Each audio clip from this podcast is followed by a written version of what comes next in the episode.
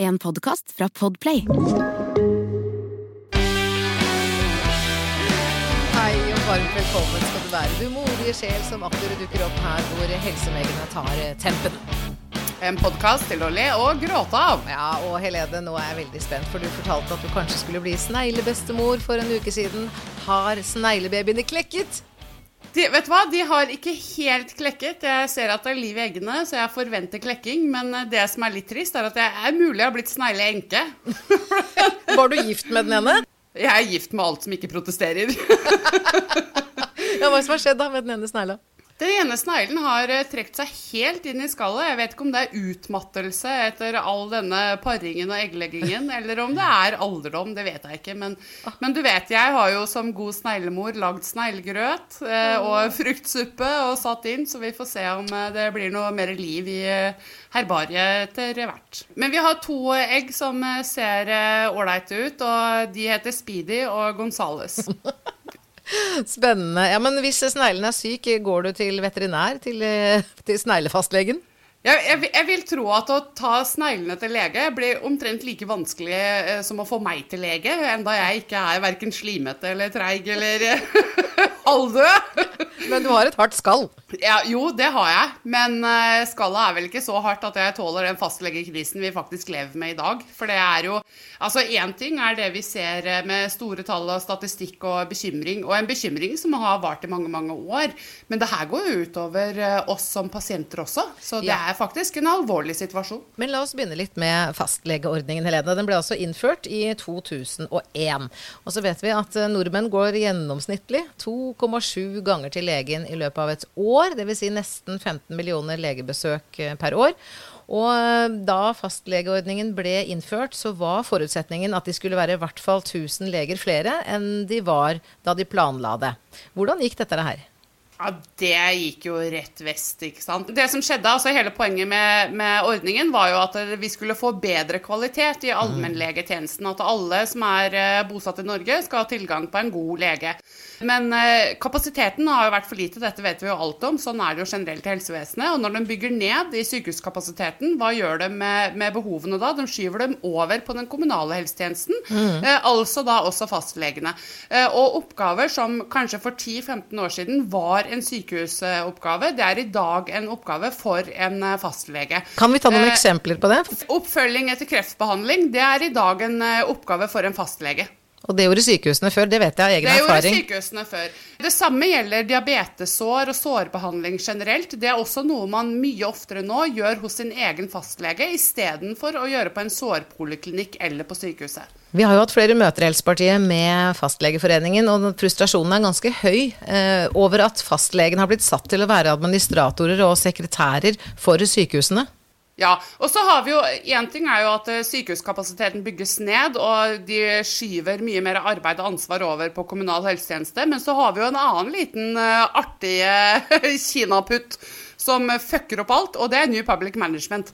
For en vanlig fastlege i dag, han bruker jo mer tid på dokumentasjon enn han gjør på selve pasienten. Ja. Og det er jo ikke uvanlig at en fastlege har et sted mellom 12 og 1500 pasienter på sin liste som han skal ha ansvaret for i en kommune. Det er anbefalt at de ikke har noe særlig mer enn 900. Og hvis eh, snittet ligger opp mot 12 Nei, og noen Nei, de bør ikke ha mer enn 900. For du skal jo ha tid til å prate med pasienten. Og hvor mange er det ikke som opplever at de kommer inn til legen sin og gjerne har liksom notert ned ting de ikke har lyst til å glemme også. Og så er etter syv og et halvt minutt så er de bare sendt ut igjen. Fordi at eh, legen har jo fader ikke tid. Og det tar lengre tid for legen å skrive en journalinnføring om besøket ditt enn den tiden han har faktisk brukt på deg. Men det som er litt rart, Helene, når fastlegene er blitt eh, port inn til saligheten De skal jo sortere alle pasientene. Skal du få lov til å gå videre til spesialist, eller skal du avvises? Og så ja. har de jo fått, som du sier, oppgavene for sykehusene, og så har de fått mange flere oppgaver, og så er de ikke mange nok. Vi vet jo at mange fastleger jobber opp mot 60 timers dager, og vi vet også at den nye generasjonen fastleger er ikke lenger hardtarbeidende, ambisiøse unge menn som gjerne vil kjøpe sin egen klinikk og bli rike. Nei, det er mer kvinner som nå utdanner seg til leger, og vi vet at kvinner er ikke villige til å jobbe 60-timersuker. De har barn, og de har eh, andre familieforpliktelser som gjør at de kommer ikke til å finne seg i dette systemet vi har i dag. Nå får vi jo se eh, hvordan det går med den ordningen. Men jeg må også skyte inn at fra pasientenes ståsted Ok, det er en frustrasjon at uh, mange pasienter ikke får nok tid med fastlegen sin, men vi har allikevel undersøkelser som viser at det fine med fastlegeordningen, det er at pasientene får lang oppfølging av samme person, hvis man da har en god fastlege, vel å merke. Og så eh, er faktisk fastlegeordningen det offentlige Norges andre mest populære ordning etter bibliotekene. Vet du hva, jeg, jeg, må arrestere deg litt. For det der med at man har kontinuitet og den samme fastlegen Her, er det, altså, her må jeg slå litt sprekker i den der boblen. Jeg sitter jo med informasjon som sier eh, litt det motsatte. At eh, det at vi mangler fastleger, og at kommunene må leie inn masse dyre vikarer for å fylle disse stillingene, vi, sier jo at vi får ikke den kontinuiteten eller den tryggheten eller den omsorgen da, som pasientene har krav på. Og det er et problem at det er varierende tilbud i fastlegene i, eller blant fastlegene i kommunen, og det er vanskelig for pasienter også. Man må forholde seg til flere mennesker, og du vet kanskje ikke hvilken lege du kommer til engang når du prøver å bestille deg time. Og prøver du å bytte fastlege, da er du kjørt. Har du prøvd det? Jeg vet hva, jeg sto på en liste i over to år. Oh. Og det, her er, det kunne vært morsomt, men på en måte så er det faktisk ikke morsomt. Jeg hadde en fantastisk fastlege i eh, min tidligere kommune, i Fredrikstad. Så jeg ble veldig bortskjemt. Fikk helt sjokk når jeg flytta til Sarpsborg og valgte å bare bytte fastlege, for jeg har jo barn. Og fastlegen eh, min skal jo også ivareta mine barn, og da er det enklere med en som er lokal. Mm. Fyren var spinnvill.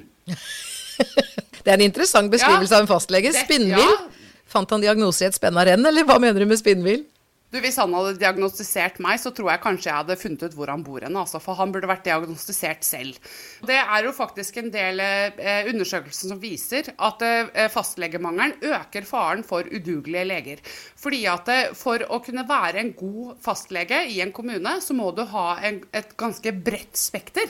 For du skal kunne forholde deg til barn, ungdommer, tenåringer, eldre, demente, kvinner i midtlivskrise med lange pupper, eldre menn som er hypokondere hypokondere, eller yngre menn som er hypokondere. Hvem, hva, altså, hva vet jeg. Mm. Du skal være ganske brei da, og raus. Og derfor er det en del kriterier som bestemmer hvem som er egnet for å være fastlege. Og her har kommunene egentlig prøvd å være veldig flinke. De, når de mottar søknader, så, så, vil de jo gå gjennom søknadene for å finne den de tenker er best egnet. Og det bør være en lege med gode allmennkunnskaper og en del erfaring.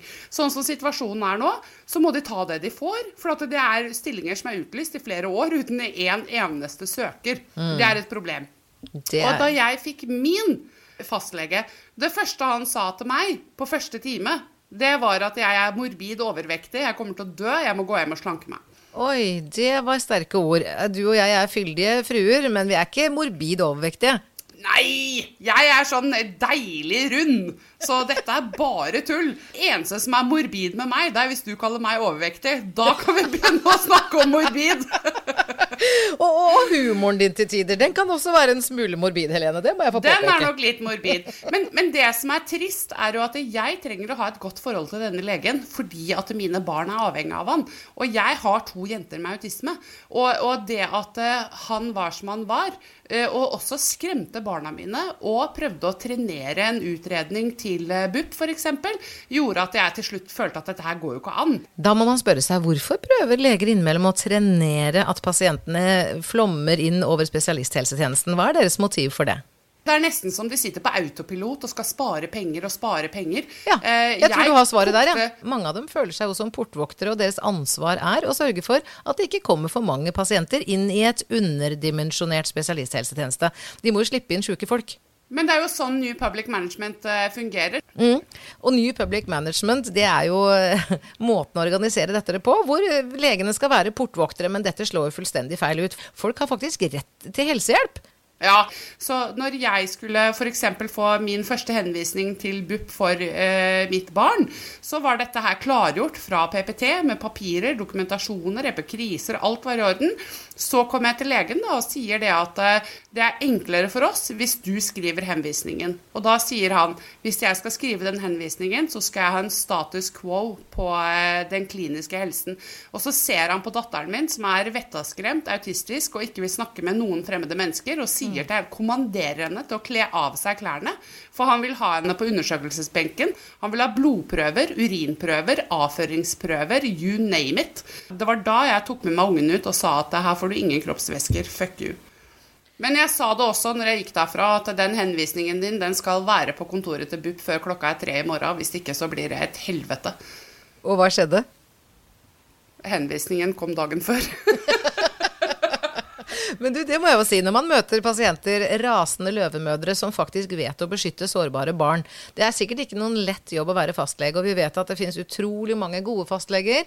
Altså Det undersøkelsen jeg snakket om i stad viste til, er at noe av det beste ved fastlegeordningen er jo den kontinuiteten man får ved en god fastlege. som man ja. er fornøyd med, og som man da har over lengre tid. Jeg er veldig heldig og har en fantastisk fastlege som både jeg og min mann og, og sønnen min har, og han har vi hatt i flere tiår. Og han kommer vi til å holde fast ved så lenge han gidder å ha oss.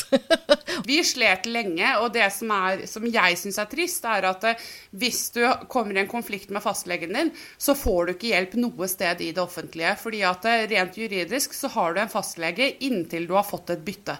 Og det kan ta to år kanskje å få et bytte, for du må stå lenge på venteliste. I all den tiden så står du allikevel med en fastlege du ikke vil ha. Så om du ringer legevakt eller andre instanser, så vil de alltid henvise deg til den fastlegen som du da faktisk ikke har lyst til å gå til. Og alternativet da, det er Volvat. Og i de årene, eller de to årene da, som jeg venta på å få en ny fastlege til mitt barn, jeg tror at det, vi antageligvis brukte opp mot 10 000 kroner på Volvat mm. i legebesøk. Fordi at barnet mitt må få en helsetjeneste. Jeg var avhengig av legeavtaler og utredninger og henvisninger. Og jeg hadde ikke noe annet valg enn å gå til Volvat, fordi at jeg kunne ikke ta henne med til den personen som var fastlegen min. Det her høres kanskje litt rart ut, men fordi at datteren min eh, har de behovene hun har, så tenkte jeg at eh, en fastlege som kan være ålreit for henne, det må være en kvinne som snakker godt norsk. Og hadde satt meg på liste til en, eh, en dyktig kvinnelig fastlege i Sarpsborg. Men hun slutta selvfølgelig før jeg rykka opp på lista, og nå sitter jeg da med en mann som er svensk. Men det er den beste legen jeg har hatt noen gang. Aha, Så du overvant dine egne fordommer? Ja. Nei, men det var, ikke, det var, nok ikke en fordom. Det var nok mer en sånn, et innbilt behov. Fordi jeg trodde at det ville være enklere for datteren min med en kvinnelig lege, fordi hun ble så skremt av den forrige mannlige. Ja, nettopp. Men nå går det mye bedre? Ja, selvfølgelig. Den legen jeg har nå, han er fantastisk. Og han har aldri sagt til meg at jeg er morbid overvektig, og han er super på henvisninger og, og alt han trenger å gjøre for å følge opp eh, datteren min og, og, meg også. Han er kjempeflink. Hmm, men Helene, før vi gikk i gang med denne sendingen, så sa du at du også hadde hatt en veldig spesiell opplevelse med denne fastlegen som du ikke kom så veldig godt ut av det med. Hva var det som skjedde? Jeg hadde opplevd at jeg fikk en hudforandring på det ene brystet mitt. Eh, hvor, hvorpå han eh, lagde et stort sirkus ut av dette, som gjorde at jeg ble faktisk redd. Eh, og han mente at jeg måtte komme og få fotografert denne flekken hver dag for å se om det var forandringer. Og jeg ble så redd at jeg møtte opp sikkert tre eller fire dager på rad før, før, liksom, før jeg begynte å tenke på det. Og lå der på benken, og han sa du må holde puppene opp, liksom. og så gikk det Det er helt sant. Og så gikk det tre eller fire uker. Det var et blåmerke. Jeg skjønte det i ettertid at det var noe som var forårsaka av en kulepenn som jeg hadde i lomma på kjortelen min på jobb. Men, men han ble inspirert, ja, til å fotografere det ene brystet mitt flere ganger og henviste meg til en biopsi uten å informere meg eller i det hele tatt spørre meg om jeg følte for det. Eh, etter et blåmerke forårsaka en kulepenn. Men Helene, har, mener du med dette å si at du mener at fastlegen hadde en viss glede av å se på melonene dine? For det er jo ikke noe hemmelighet at du har enormt store, flotte, imponerende pupper. Det har du. Ja, da har han muligens en fetisj han kanskje trenger å kontakte lege for selv. Jeg aner ikke. Men for meg Altså, jeg kan godt le av det nå, men jeg må jo si at det er et snev av ydmykelse her, og man uh, føler seg alene, man blir usikker, ja. engst, man, man, blir engstelig. Altså, nå har jeg nylig fått en henvisning til å ta celleprøve, noe som man vanligvis gjør hos fastlegen sin. Jeg vet jo det at dette ville jeg jo aldri gjort hos den legen. Nei, nettopp. Stakkars, du må jo ha vært redd. Jeg veit jo sjøl åssen det er når puppene prøver å ta livet av deg. Brystkreft er ikke til å tulle med. Jo, men du vet, jeg ble lurt av en kulepenn, men at en fastlege ble lurt av en kulepenn, det syns jeg faktisk er verre. Og at det inspirerte han til å ville fotografere puppene mine på sin egen mobil eh, over flere dager, det er enda verre. Og det at jeg da i ettertid følte at jeg har ikke lyst til å gå til denne legen mer, jeg trenger en annen lege. Og eneste, det eneste jeg ble møtt med, var at nei, har, dette er fastlegen din inntil du får byttet. Ja vel. Og det, For meg så tok det nesten to år å bytte lege. I hele den perioden så sto jeg da fast med denne legen, som sto som min fastlege, til tross for at jeg ikke ville gå dit under noen omstendighet. 20 nye sparetips hos Kiwi. Mitt sparetips er nyheten fra First Price. Store tortillalefser. Garantert billigst i Kiwi. Nå får du First Price store tortillalefser til 29,90, First Price kjøttdeig av svin uten salt og vann til 29,90 og mange andre First Price-nyheter hos Kiwi. Du hører Helsemeggene med Helene Spro og Elise Askvik, og i dag handler det om fastlegeordningens velsignelser og forbannelser. Det er tre ting eh, som er viktig å understreke i den saken her. For det første så har pasientene en stor frustrasjon med både for lange ventetider. I tillegg så blir mange kasta ut av legekontoret altfor raskt. Og det handler jo om måten staten har valgt å finansiere fastlegeordningen på. Det er jo sånn at hvis du kommer dit fordi du har fotsopp, så er det en ulempe for legen om du også har vondt i ryggen og begynner å snakke om det. For da er det to ulike ting og to ulike diagnoser, og systemet er laget sånn at han får en fast takst for det du kommer dit for. Men det virker veldig ja. umenneskelig på oss pasienter når vi har to-tre lidelser lidelser og endelig slipper inn til fastlegen, så har jo ikke vi i hodet vårt at da ruller takstameteret. Så vi syns det er ganske ille å bli avvist når fastlegen helst vil at du bare skal ha én ting av gangen, men sånn er systemet lagt opp. Og dessuten så er det det at mange syns at timene hos fastlegen går altfor fort. Det er for korte møter, som du var inne på i stad, fordi fastlegene har for mange på sine lister. Det er nok en gang underdimensjoneringen som er problemet her. Det er ikke lett å være pasient, men det er søren ikke lett å være fastlege heller. Nei, det er jo ikke det. Og hvorfor i all verden heter det egentlig legetime? Du får seks og et halvt minutt. Le legefemminutteren? Ja, det er jo liksom Hallo! det burde heller hete. det. Men det vi da ser, er jo et system som er både til frustrasjon for legene og for pasientene. Og ja. da må man jo spørre seg hvordan skal man løse dette? Altså, vet du hva, det er Egentlig så er det ganske enkelt. Jeg har snakket med barna mine i dag, fordi jeg må jo si fra at i dag skal jeg prøve å lage radio, og vi skal snakke om politikk. Og ungene skjønner ikke helt uh, hva politikk dreier seg om noen ganger. Uh, men de skjønner at det sitter mennesker uh, på Stortinget og bestemmer. Og i dag prøvde jeg å forklare for dem hva vi skal snakke om, da, som er fastlegeordningen. Og da sier jeg det at det, som har skjedd, det er jo at eh, de som sitter på Stortinget, de har f.eks. da i utgangspunktet sagt at vi skal lage ti vafler. Da trenger du tre egg og en halvliter melk og mel. Mm. Ja, dette skjønner vi, ikke sant. Hva er problemet? Jo, det som er problemet, sier jeg, det er at eh, det de har gjort, det de gjorde i 2001, det var, det var jo å si det at eh, du har fortsatt tre egg, en halvliter mel og melk, men nå vil vi at du skal lage 48 vafler. Mm. Det er fastlegeordningen i et mm. nøtteskall, og dette er samhandlings- eller mishandlingsreformen i et nøtteskall. De sitter med de samme ressursene, men de forventer at de skal produsere mer. Eh, og i tillegg til det, liksom, som om ikke det er sjukt nok, så sitter det og overfører flere og flere oppgaver fra sykehusene til kommunal helsetjeneste, som belaster fastlegene ganske kraftig. Det er ikke attraktivt å være fastlege i dag. Det er en beinhard jobb, altså. Det har du helt rett i. Og når vi nå har vært innom mishandlingsreformen, som vi konsekvent eh, kaller den i Helsepartiet, så tror jeg vi må fortelle litt om hva, hva denne Og da står jeg stille. Hva heter den egentlig igjen, Helene? Jeg kaller den bare Samhandlingsreformen? Ja, det var det som var originalen, ja. I, I, hodet mitt så heter den bare Mishandlingsreformen. Samhandlingsreformen, hva var den ment å være, Helene? Den skulle jo skape samhandling og kommunikasjon mellom de ulike instansene i helsevesenet. Det skulle jo skape et samarbeid som skulle gi økt kvalitet, og de som skulle tjene på dette, skulle være pasientene. Men det vi ser i ettertid, er at det man har jobbet for, er en økonomisk gevinst for alle andre enn pasientene.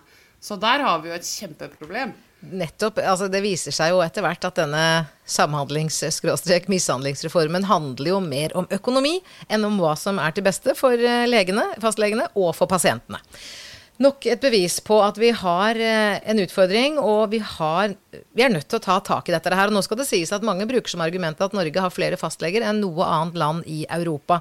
Men Norge har også best økonomi.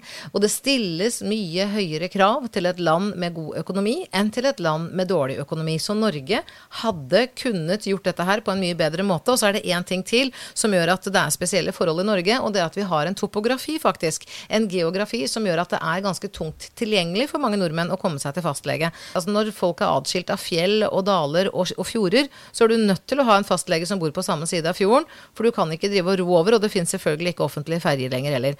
Sånn at det er forklaringer på hvorfor Norge har ganske mange fastleger, men resultatet er allikevel at vi har altfor få. Og Helsepartiet er vel det eneste partiet som har vilje til å ta tak i dette problemet og etterkomme de kravene som Fastlegeforeningen faktisk sier at må innfris hvis vi skal få orden på dette her. Har du noen konkrete forslag sånn til å begynne med, Helene? Skal, hvilken ende skal vi begynne i? Vet du hva, jeg tenker at eh, For å gjøre det enklere for, og tryggere selvfølgelig for pasientene, så tror jeg vi skal begynne hos legene denne gangen her.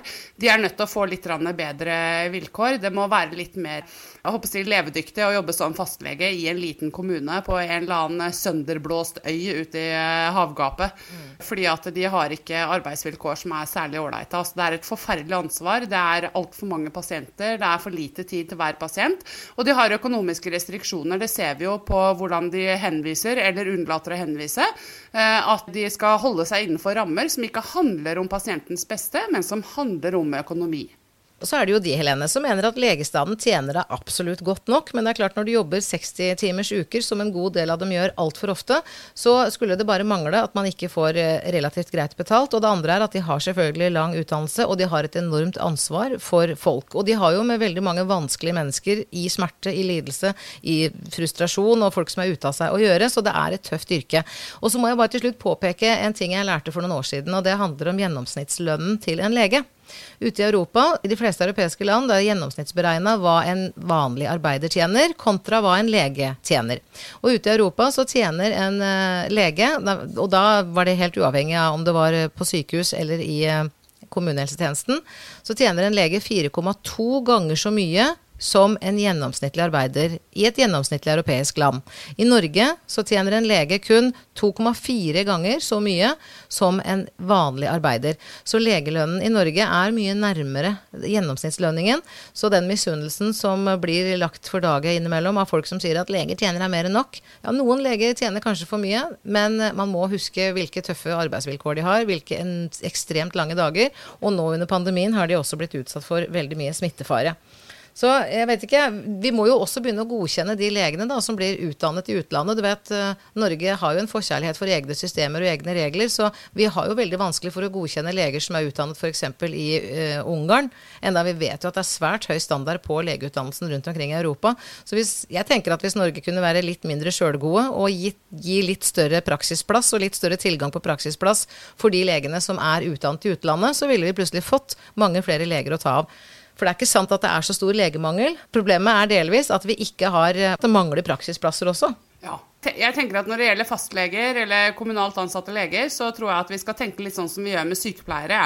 Én ting er jo lønna, en annen ting er den arbeidsmengden og den byrden de har. Og så har de et alternativ, og det er å jobbe i det private da, for tre-fire ganger så høy lønn med langt mindre ansvar.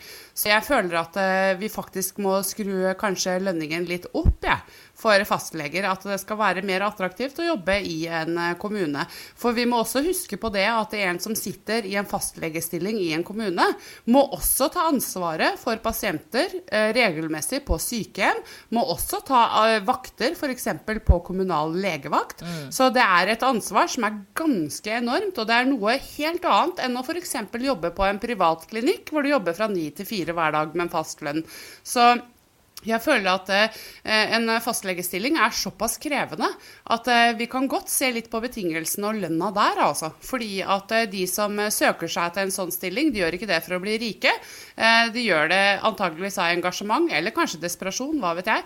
Men de bør belønnes, sånn at vi kan få dyktige og gode leger. For det er et faktum, og det er, det er noe Folkehelseinstituttet også sier, at fastlegekrisen i Norge har skapt rom for, for uh, dårlige fastleger, noe som igjen har ført til en økning i klager på leger, fordi at eh, kommunene må ta det de får. Mm. Så nå har vi en økning i klager til pasientombudet, det er en økning i klager som, eh, eller eh, leger som mister lisensen sin eller retten til å praktisere, eller mister jobben sin som fastlege.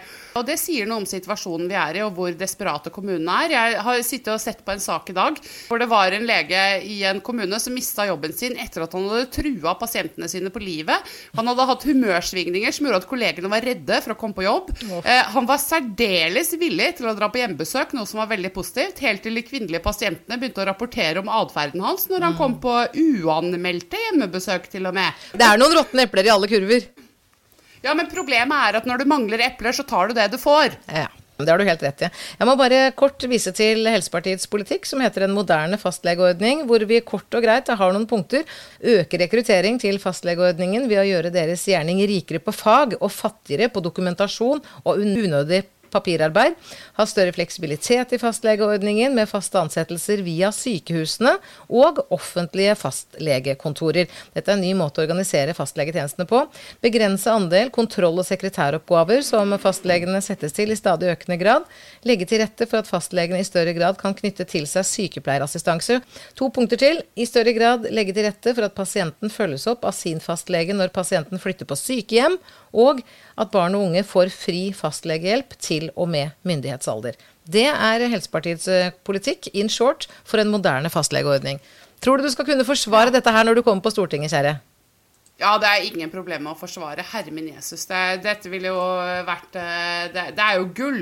Fastlegeordningen er altså på en god del eh, måter en flaskehals inn i et underdimensjonert helsesystem, Helene. Og da er jeg spent på hva tror du Hva mener du diagnosen kan være på dette her? Det har aldri vært enklere å finne en diagnose. Dette er soleklart, og, og dette er kloke ord fra jeg håper å si, en gammel mann. Einstein, faktisk. Oh. Eh, ja. Eh, definisjonen på idioti det er at man gjentar den samme handlingen, men forventer et annet resultat. Og her, er jo, altså, her bør jo regjeringen føle seg veldig skyldig. Eh, så diagnosen er klokkeklar. Det er rein, skjær idioti. Og Helsepartiet kan ta jobben med å rydde opp. Men da trenger vi at demokratiet gir oss kraft til å leve den politikken vi har stående klar. Det blir skyts mot idioti, det, Helene. Ja, det håper jeg. For at det eneste som hjelper mot idioti, per, altså sånn som den er diagnostisert, det er jo selvfølgelig å gjøre noe annet. Men du Helene, da lurer jeg på om du skal løpe og se om sneglene har klekket. Ja. Og så skal vi si om en halv uke igjen, sånn omtrent. Nå trenger man ikke å løpe etter snegler, da. Men uh, jeg, kan, jeg, kan, løpe for syns skyld. Takk for praten. Vi snakkes, Helene. Nå må jeg hjem. God bedring. Takk.